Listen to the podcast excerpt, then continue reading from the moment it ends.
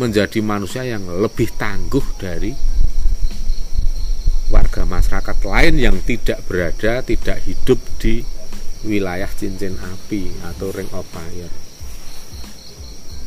Itulah yang kemudian justru menggembleng mental lahir batin warga masyarakat yang ada yang hidup di sekitar cincin api itu menjadi lebih tinggi kemampuan spiritualnya, kemampuan survivalnya. Karena apa? Tingkat risiko dari bencana alam yang muncul itu jauh lebih besar, lebih intensif. Makanya itulah menjadi cara alam mendidik, menggembleng manusia-manusia yang hidup di sekitar wilayah rawan bencana itu menjadi manusia yang lebih tangguh dari dibanding yang tinggal di tempat berisiko rendah.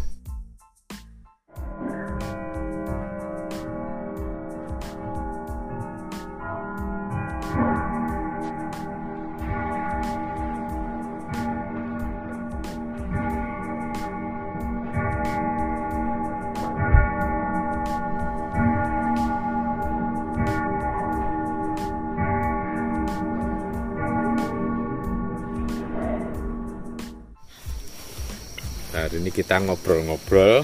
Ini malam apa ini? Ini malam Sabtu. Malam Sabtu ya. Hmm. Kemarin Jumat lagi, lagi Sabtu Pahing. Sabtu Pahing itu weton 18 waktunya. 18 tuh ya tiba gedung ya. Ini kita tirakat nyuwun makmur lahir batin. Hmm.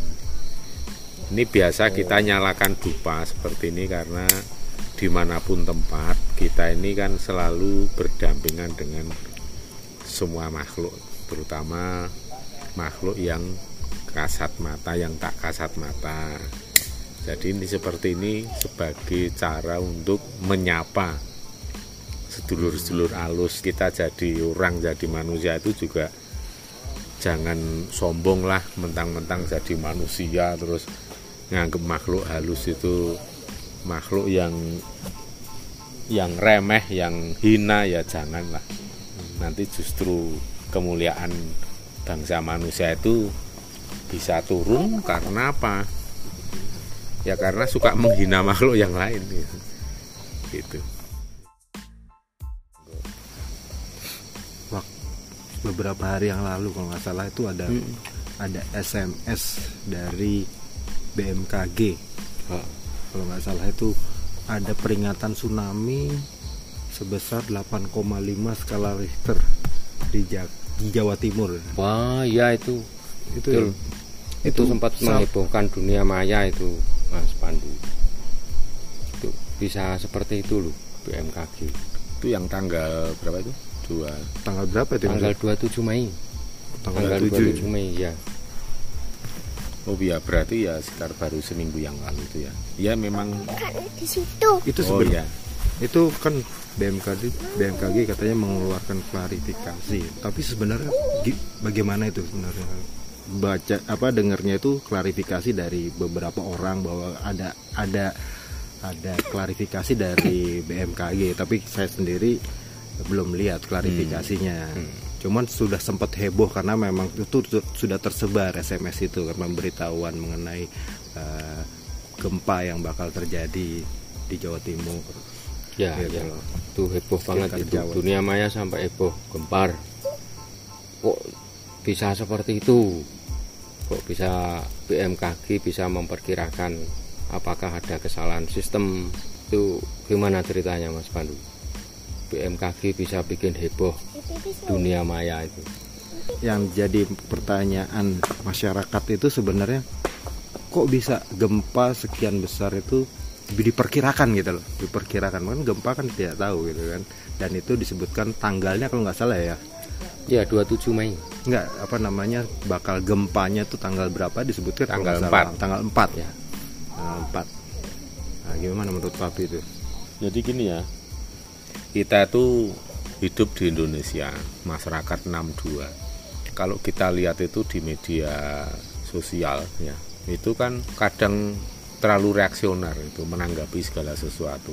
Jadi orang yang terlalu reaksioner itu juga bisa dikatakan terlalu kagetan dan gumunan. Oh. Padahal kan kita sendiri itu sebagai orang Jawa yang nguri-uri kearifan lokal atau lokal wisdom itu kan ada yang namanya wewarah atau ngelmu supaya menjadi orang itu ojo kagetan, ojo gumunan. Artinya kita jangan gampang heran, jangan gampang kaget. Artinya apa? Ya artinya supaya kita itu selalu menanggapi segala sesuatu baik itu informasi yang resmi dari pemerintah yang bisa di cross check, diklarifikasi kebenarannya bisa diverifikasi, bisa dipertanggungjawabkan maupun berita yang dibuat oleh media sosial ya. Itu kita jangan kagetan dan gumunan, artinya kita harus berpikir secara cermat secara logis dan diterima dengan sikap yang lebih tenang, lebih dewasa. Hmm. Karena apa? Yaitu yang membedakan pipi sama Om Yesa. Ya. Ya sini lagi kalau mau duduk sini. Yaitu artinya begini, Mas. Kita harus membiasakan diri agar menjadi pribadi yang selalu cermat dan bersifat cool, kalem itu hmm. loh menanggapi segala sesuatu. Jadi itu ada hubungannya dengan sikap meditatif setiap waktu. Sikap meditatif itu kan kita berpikir lebih tenang, lebih jernih, jadi mudah sekali untuk merespon segala sesuatu dengan cara yang proporsional, dengan cara yang tepat. Hmm. Jadi nggak gerubyukan gitu. Hmm. Itu di satu sisi seperti itu. Ya kita memang harus belajar untuk membedakan informasi itu keluar dari jurnalisme atau dari media sosial. Hmm. Tadi aku di, di sini. Ada yang tahu nggak bedanya? Bed, nggak tahu. Jurnalistik dengan media sosial ada yang tahu nggak? Jurnalistik itu yang menurut saya jurnalistik itu ada data di belakangnya, ya kan Ya betul ya Bu ya. Hmm, ada data berdasarkan data-data yang ya, didapat. Tapi kalau misal media media sosial itu kan hanya semacam omongan atau rumor.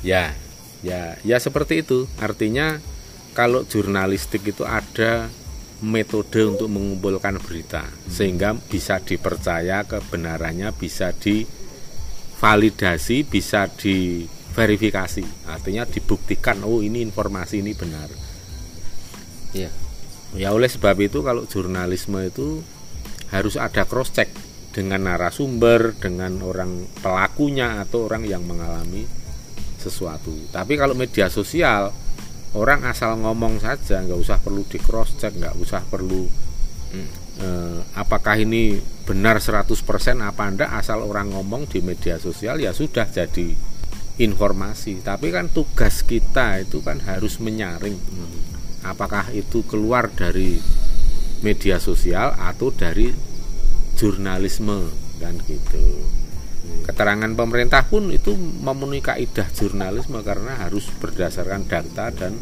fakta di lapangan. Harus ada cross check dengan pihak-pihak. Semua pihak yang bertanggung jawab itu juga harus di cross check nah, itu bedanya seperti itu. Cuman ada satu hal ini ya. Jadi saya pribadi menanggapi berita itu. Dan saya dengar katanya memang pihak BMKG sudah mengklarifikasi tidak sedang melakukan uji coba. Ini loh. Oh. Pak Daryono ya itu dari BMKG itu tidak sedang melakukan uji coba. Ini berarti artinya siapa ini? Hmm. Ya kalau humannya ya tidak melakukan uji coba otomatis kan kita berpikir bahwa itu yang bekerja seperti itu mesin hmm. Dalam hal ini ya mesin teknologi informasi hmm. itu ada kesalahan atau ada error atau dikatakan kesalahan teknis kan oh. kan gitu jadi padahal iya. mesin ini kan bisa saja bekerja secara otomatis kan begitu ceritanya Nah, cuma di sini kalau saya pribadi melihat seperti ini, saya tidak menyepelekan. Tapi saya juga nggak kaget dan nggak takut. Memang kita nggak boleh menyepelekan. karena apa? Dalam masa-masa seperti ini kondisi seperti ini kita harus selalu waspada untuk mencermati berbagai macam gejala alam berbagai macam kejadian. Karena kadangkala yang namanya sinyal atau pertanda dari alam itu bisa melalui berbagai macam cara katakanlah bisa melalui seribu macam cara gitu loh. Bisa jadi itu merupakan sinyal. Memang sinyal bahwa ada mara bahaya besar yang berupa gempa 8,5 skala Richter kemudian disusul tsunami. Walau mungkin nanti misalnya terjadi beneran itu bisa jadi tidak seakurat itu angkanya statistiknya. Bisa jadi lebih besar atau bisa jadi lebih kecil gitu kan. Kenapa saya berani untuk menyarankan kita semua, mengajak kita semua para pemirsa agar supaya mencermati semua gerak-gerik alam. Karena alam ini saat ini sedang banyak sekali memberikan informasi kepada seluruh makhluk hidup. Terutama hewan dan binatang makhluk halus. Itulah mereka yang cermat sekali membaca bahasa alam. Sedangkan kita bangsa manusia kenyataannya yo maaf punten dalam sewu justru yang paling bebal. ya oleh sebab itu dalam hal membaca pertanda alam biasanya manusia malah berguru berkaca bercermin kepada bangsa binatang. Contohnya misalnya tiba-tiba kok banyak sekali semut muncul dari dalam tanah. Hmm. Banyak sekali hewan-hewan yang hidupnya di dalam lumpur, di dalam tanah pada keluar. Ini kan tidak semestinya. Berarti ada sesuatu ada apa sehingga membuat ya, kan, hewan itu tidak nyaman di dalam tanah. Ada apa apa yang terjadi di dalam tanah? Seperti kalau ada pertanda gunung mau meletus. Tentu saja hewan-hewan yang ada di dekat kawah gunung ada di lereng gunung yang mau meletus semua sudah nggak nyaman ya merasakan getaran energinya, induksinya, ya panasnya, suhunya dan lain-lain. Karena binatang ini kan peka sekali, jadi Betul. begitu ada perubahan dari habitat sehari-hari biasanya begini,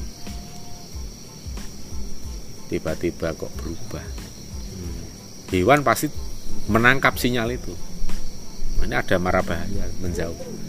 Makanya tidak ada binatang yang menjadi korban letusan gunung hewan liar ya ini ya. ya.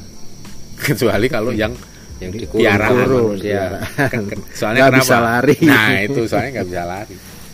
Tapi kan setidaknya pemiliknya itu harusnya paham. Ketika mau terjadi gempa besar di Nusa Tenggara Barat itu. Sebelumnya itu sudah ditandai dengan ayam yang berkokok, yang ribut, hmm. kayak ingin keluar dari kandang, kandang. gitu loh itu harusnya membaca jadi paling simpel itu membaca bahasa alam itu lihatlah habitat yang keluar dari yang seharusnya gitu loh. Hmm. Misalnya kucing kenapa tidur di dalam kamar mandi? Ya. Padahal kucing itu kan takut air. Ya nggak mau di tempat dingin. Tapi kucing ribut cari tempat yang dingin untuk tidur di situ. Cacing-cacing pada keluar dari tanah. Itu juga kita harus mencermati tanda alam seperti itu. Walaupun tidak selalu itu merupakan tanda akan terjadi gempa. Hmm. bisa jadi dalam tanah itu memang sedang terjadi kondisi yang panas sekali karena air tiba-tiba surut. Air tanah itu hilang itu bisa jadi nggak nyaman kan? Otomatis hewan-hewan yang ada di dalam tanah itu keluar meninggalkan areal hidupnya di situ habitatnya di situ. Tapi itu bisa juga menjadi pertanda akan terjadi gempa karena gempa ini juga sebenarnya dari dalam tanah itu pun ada hawa panas yang muncul. Saya pribadi pernah pengalaman jadi gini mas dulu ada gempa Sumatera Barat itu tanggal 30 September tahun berapa itu ya? Coba nanti bisa dicek. Sebulan sebelum gempa Sumatera Barat awal September gempa di Tasikmalaya hmm. sampai wilayah Bandung. Gempanya 7,4 yang di Sumatera Barat sampai ada tsunami kecil tapi yang meninggal itu kan sampai seribu lebih itu. Ya. nah. Itu kira-kira sebulan sebelum peristiwa gempa di Tasik. Ya. itu aku sama mami pulang dari Jakarta ke rumah sampai di rumah. Ya iseng aja nyalakan TV padahal aku itu ya nggak begitu hobi nonton TV tapi waktu itu eh, nyalain aja TV waktu itu ya cuman ada iklan-iklan kayak itu biasa. Pas waktu itu yang kita setel itu apa ya kalau nggak salah tahun itu masih ada ada ini kalau nggak La TV Trans gitu. Nah. Waktu itu sekitar jam 4 sore mas. Hmm. Begitu nonton TV baru nonton begini. Layar TV itu tiba-tiba berubah warna menjadi biru. Oh. Biru semua. Jadi gambar yang tadi ada iklan ada film apa itu hilang. Hmm. jadi hmm. tampilan warna biru dan ada running tag. Harusnya running tag kan biasanya cuma di bawah. Hmm. itu di tengah dan besar. Pelan begitu. Tulisannya putih. Nah tulisannya gempa 7,4 skala Richter di Bandung dan Jawa Barat. Itu aku sama mami lihat semua jadi kita berdua itu lihat itu. Hmm. langsung ngambil HP telepon anak-anak di Bandung eh gimana ini? Manu gempa 7,4 gimana? Tuh lah kita kaget hmm. karena yang di Bandung kita telepon itu malah bengong. Hmm, nggak ada nggak ada apa-apa. Hmm. Kita habis bingung nelpon yang di Bandung. Layar TV udah kembali normal. lagi. Sampai kita tunggu ada running tag yang kecil di bawah dan kita pindah channel-channel yang lain nggak ada berita sama sekali. Nah itu berita dari mana itu? Ya nggak tahu. Ya kalau dipikir ini layar TV berubah jadi biru. Apa cuman mata kita saja yang melihat sebenarnya TV itu nggak berubah. Oh. cuman clairvoyant namanya. Hmm. sesuatu yang tampak ya. Yang akan terjadi. Wah itu gelundung pringis itu hantu biasa. Kalau di, kita dekati itu biasanya gembung atau kepala manusia yang gelundung sambil hmm, ketawa. ketawa nyengis matanya melotot. Itu kalau geludak. Oh. gelundung pringis ya Wah, kalau giginya rapi kalau giginya, kalau giginya rapi gundul gelundung bringis tapi kalau giginya tonggos gundul prongos. Ya nah itu. Kita lanjut tadi. Ya akhirnya cerita habis di situ. Karena ternyata apa yang kita lihat itu nggak terjadi di Bandung. Ya kita kan ayam ya seneng. Wah ternyata nggak ada apa-apa. Puji syukurlah tapi waktu itu kita sudah merasa bahwa ini kemungkinan sinyal hmm. ini pasti sinyal kalau kayak gini nggak mungkin kesalahan TV nggak mungkin hmm. karena kalau itu kesalahan TV pasti ada permintaan maaf hmm. itu TV cuek aja kayak nggak terjadi apa-apa kok habis itu berita habis itu siaran itu nggak nggak ada klarifikasi apa-apa berarti kan mungkin orang lain lihat TV channel yang sama nggak akan terjadi apa-apa nggak ada slide warna biru running tag gempa 7,4 SR di Bandung. Akhirnya kita menyadari mungkin memang clairvoyant atau pandangan kita aja yang kemudian seolah-olah kita nonton TV di situ ada running tag yang besar ada peringatan. Hmm. nah ini mengingatkan peristiwa itu yang kemudian memang sebulan kemudian terjadi betul-betul gempa 7,4 di Tasik dan banyak sekali korban tanah longsor juga di mana-mana terjadi kan? Akibat adanya gempa itu. Dan sebulan kemudian penutupan September terjadi gempa di Sumatera Barat yang meninggal sampai seribu lebih itu. Nah ini mengingatkan saya justru was-was ya karena wah ini jangan-jangan sebenarnya ini peringatan. Ya siapa yang menggerakkan ya? Kalau kita itu kan sebagai pelaku spiritual itu kan percaya ada kekuatan transenden ada kekuatan spiritual power ya supernatural being yang memang menggerakkan itu sebagai media. Yeah. ya kan karena leluhur pun kadang memberikan peringatan itu tidak harus melalui wisik. Karena orang-orang yang bisa menangkap sinyal atau perintah atau peringatan dari leluhur itu kan nggak banyak. Iya. Dan itu bisa saja melalui media, hmm. melalui equipment zaman sekarang itu luar biasa. Nah itu ya seperti kasus ada peristiwa saya pernah ditelepon sama seorang ibu-ibu ya telepon ngabari Mas ibu ini nganu meninggal tadi jam 2 siang di rumah sakit. Udah kan? Kita langsung bela sungkawa. Begitu telepon ditutup loh ini belum jam 2 hari ini ini hmm. baru baru jam 2 kurang seperempat gitu. Terus kita pikir lagi tadi yang telepon itu menyebutkan nama-nama saya rahasiakan ya. Ini tadi yang nelpon itu kan dia sendiri menyebutkan kalau Bu ini itu ya dia sendiri yang nelpon itu meninggal jam 2 hmm. lah benar berarti jam 2 itu kemudian jam 2 seperempat ada kabar dari keluarga kalau ibu yang tadi nelpon itu meninggal. Berarti kan yang nelpon seperti itu kan sukmani karena raga itu kan sudah terkapar. Nggak bisa megang HP dan lain-lain kan nggak bisa. Jadi kalau kita sedulur-sedulur semua yang kulino menjalani laku prihatin tirakat spiritual. Ya sudah nggak heran nggak gumun lah hal-hal seperti ini. Dan justru ini ditangkap untuk menjadi suatu informasi yang kita tanggapi secara positif bahwa ini bisa merupakan sinyal gitu kan? Bisa jadi ini sinyal. Makanya kita jangan pernah menganggap hal-hal seperti itu sepele ahmeng cuman kesalahan teknis biasa. Tapi juga jangan kagetan terus kemudian ngomong berlebihan. Wah itu kesalahan yang nggak perlu itu menyalah-nyalahkan BMKG atau apa. Atau kadang terlalu cemas ya itu kan hanya membuat kecemasan ke masyarakat banyak ya.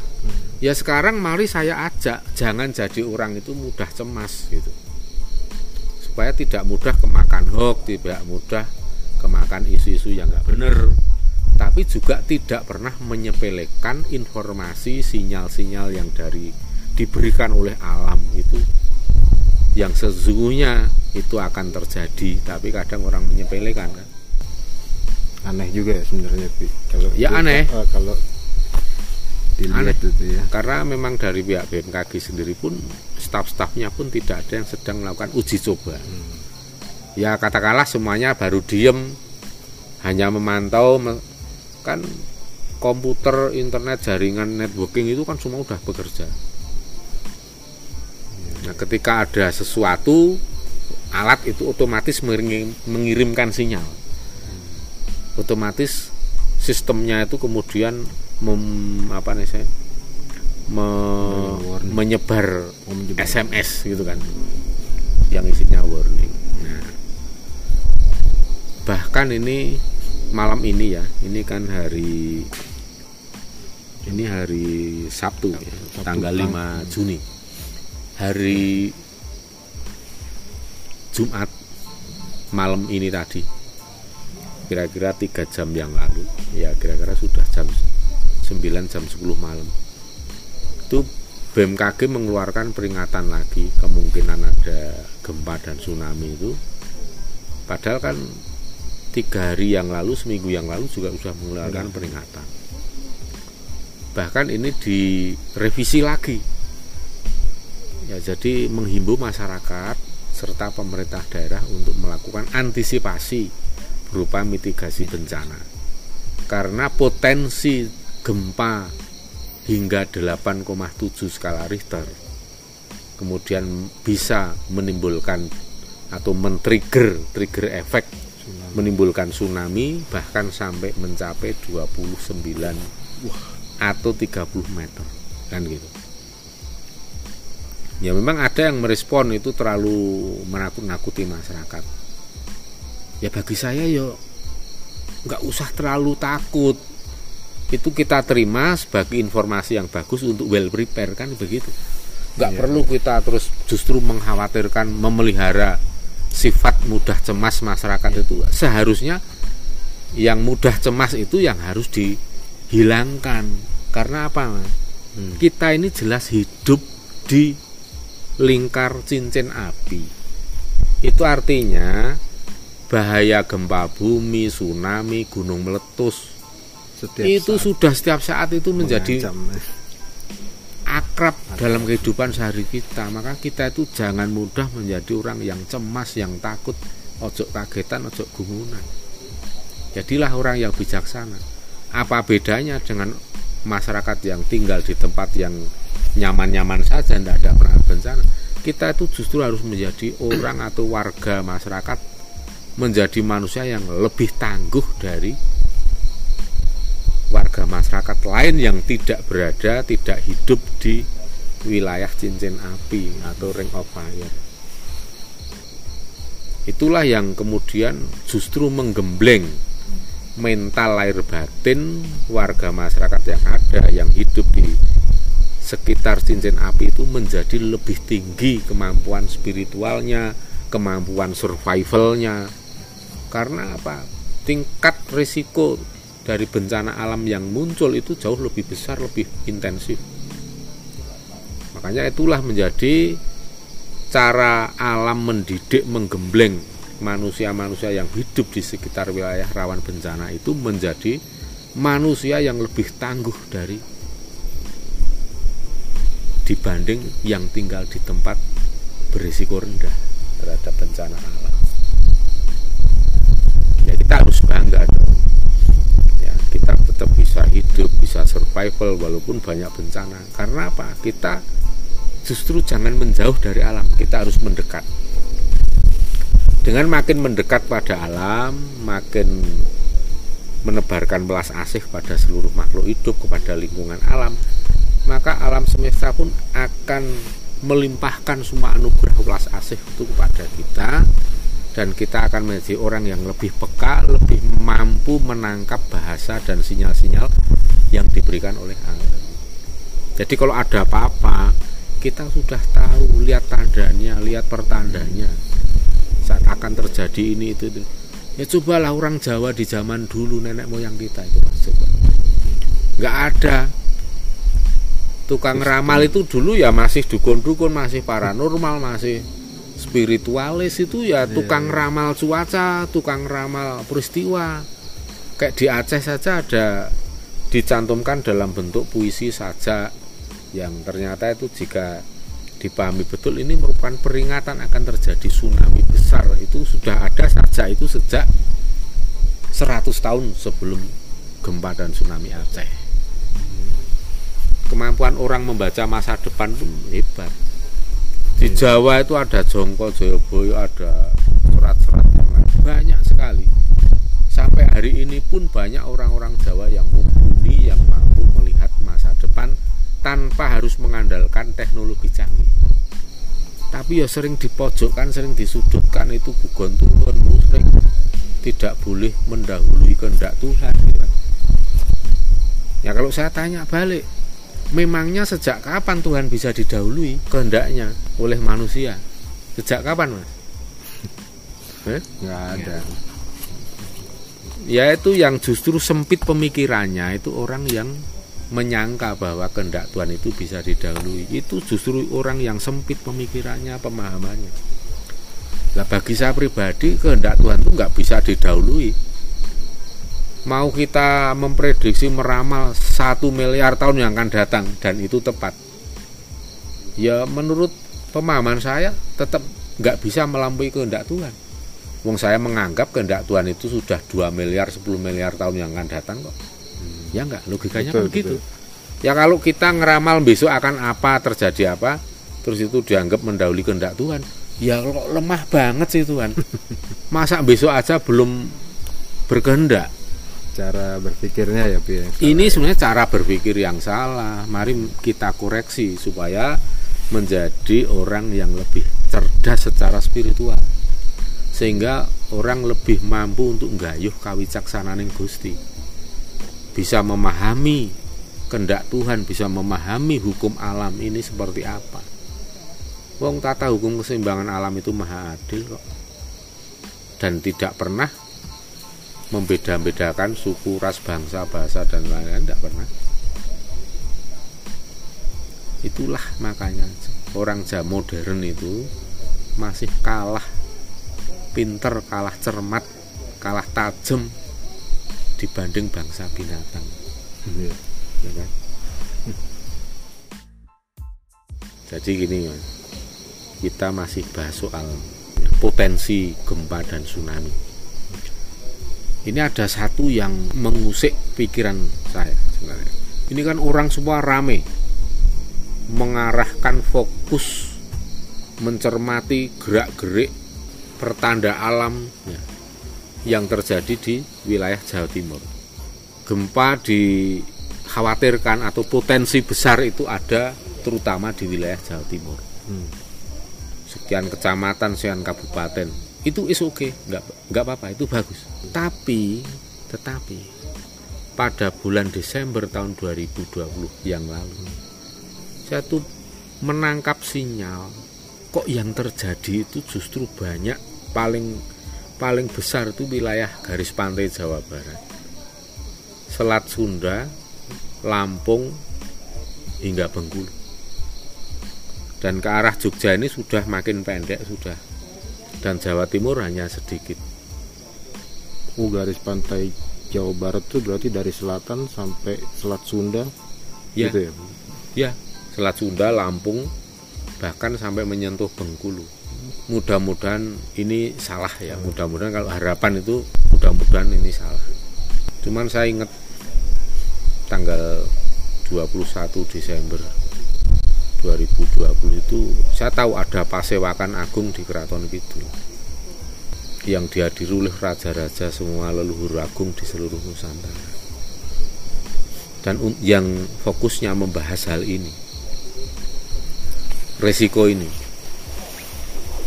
dan para leluhur dan beliau kanjeng ratu itu juga mengajak memohon pada para leluhur agung terutama yang memiliki kemampuan khusus untuk bisa meredam atau mengurangi energi yang terakumulasi di tempat-tempat akan terjadi gempa yang bisa menimbulkan tsunami.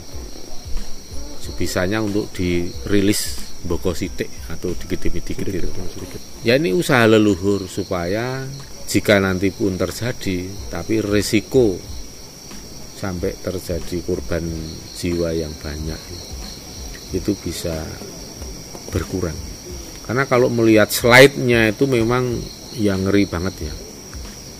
Saya ingin menyampaikan tapi dengan harapan agar sedulur-sedulur para pemirsa di mana pun berada terutama yang berada di daerah rawan terkena dampak risiko apa tsunami itu lebih waspada dan jangan menyepelekan peringatan ya dan lebih cermat untuk melihat tanda-tanda alam dan lebih dekat pada para leluhur sehingga jika akan terjadi sesuatu sudah mendapatkan kabar atau digiring ke tempat yang aman terlebih dahulu. Kalau saya melihat itu memang sampai 5 digit kalau dipakai angka jumlah korbannya gitu. ya nah ini sampai yang bikin leluhur-leluhur yang lain ada sampai yang mendengar ini. Kan tidak semua leluhur tahu kan? Hmm. sebagian leluhur yang memang memiliki kemampuan khusus itu yang tahu.